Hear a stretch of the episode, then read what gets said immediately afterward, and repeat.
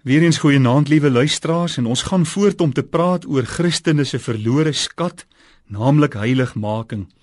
Gisteraand het ons gesien dat ons moet heiligmaking najaag.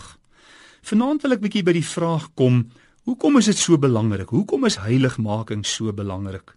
Die beroemde Amerikaanse herlewingsprediker Charles Finney het gesê: As iemand onwillig is om sonde in sy lewe prys te gee, onwillig om alle goddeloosheid en wêreldse begeertes te weerstaan in jou lewe en nie bereid is om jou volkome en vir altyd in God se diens te stel nie, dan is jy met een van twee dinge besig.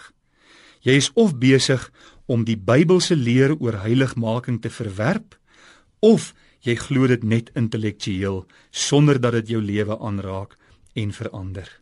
En vir 'n kind van God is dit uiters gevaarlik Dit sal ons verhouding met die Here skaad.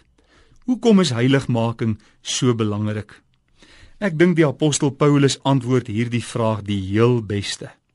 Hy skryf in 1 Tessalonisense 4 vers 3 'n een eenvoudige kortstelling wat die rede verskaf hoekom dit so belangrik is. En hy sê dood eenvoudig want dit is die wil van God, julle heiligmaking.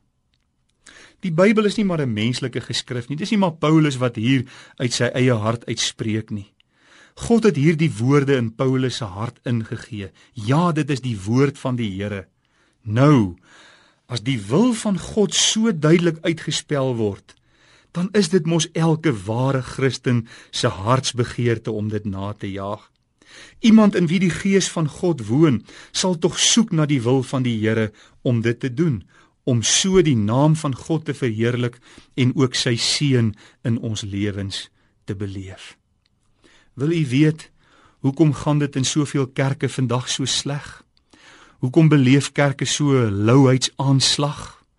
Hoekom word aandienste en veral bidure byvoorbeeld so swak bygewoon? En hoekom is soveel Christene net nie meer bereid om getuies van Jesus te wees nie? Omdat so baie Christene die kosbare skat van heiligmaking iewers langs die pad verloor het. Daarvan is ek in my hart oortuig. As ons nie daagliks groei in heiligmaking nie, dan kan ons onmoontlik nie die Here verheerlik deur ons lewens nie. Dan kan ons ook nie die seën van die Here beleef soos hy dit vir ons bedoel het nie. En dan sal ons ook nie vir God bruikbaar wees in sy koninkryk nie.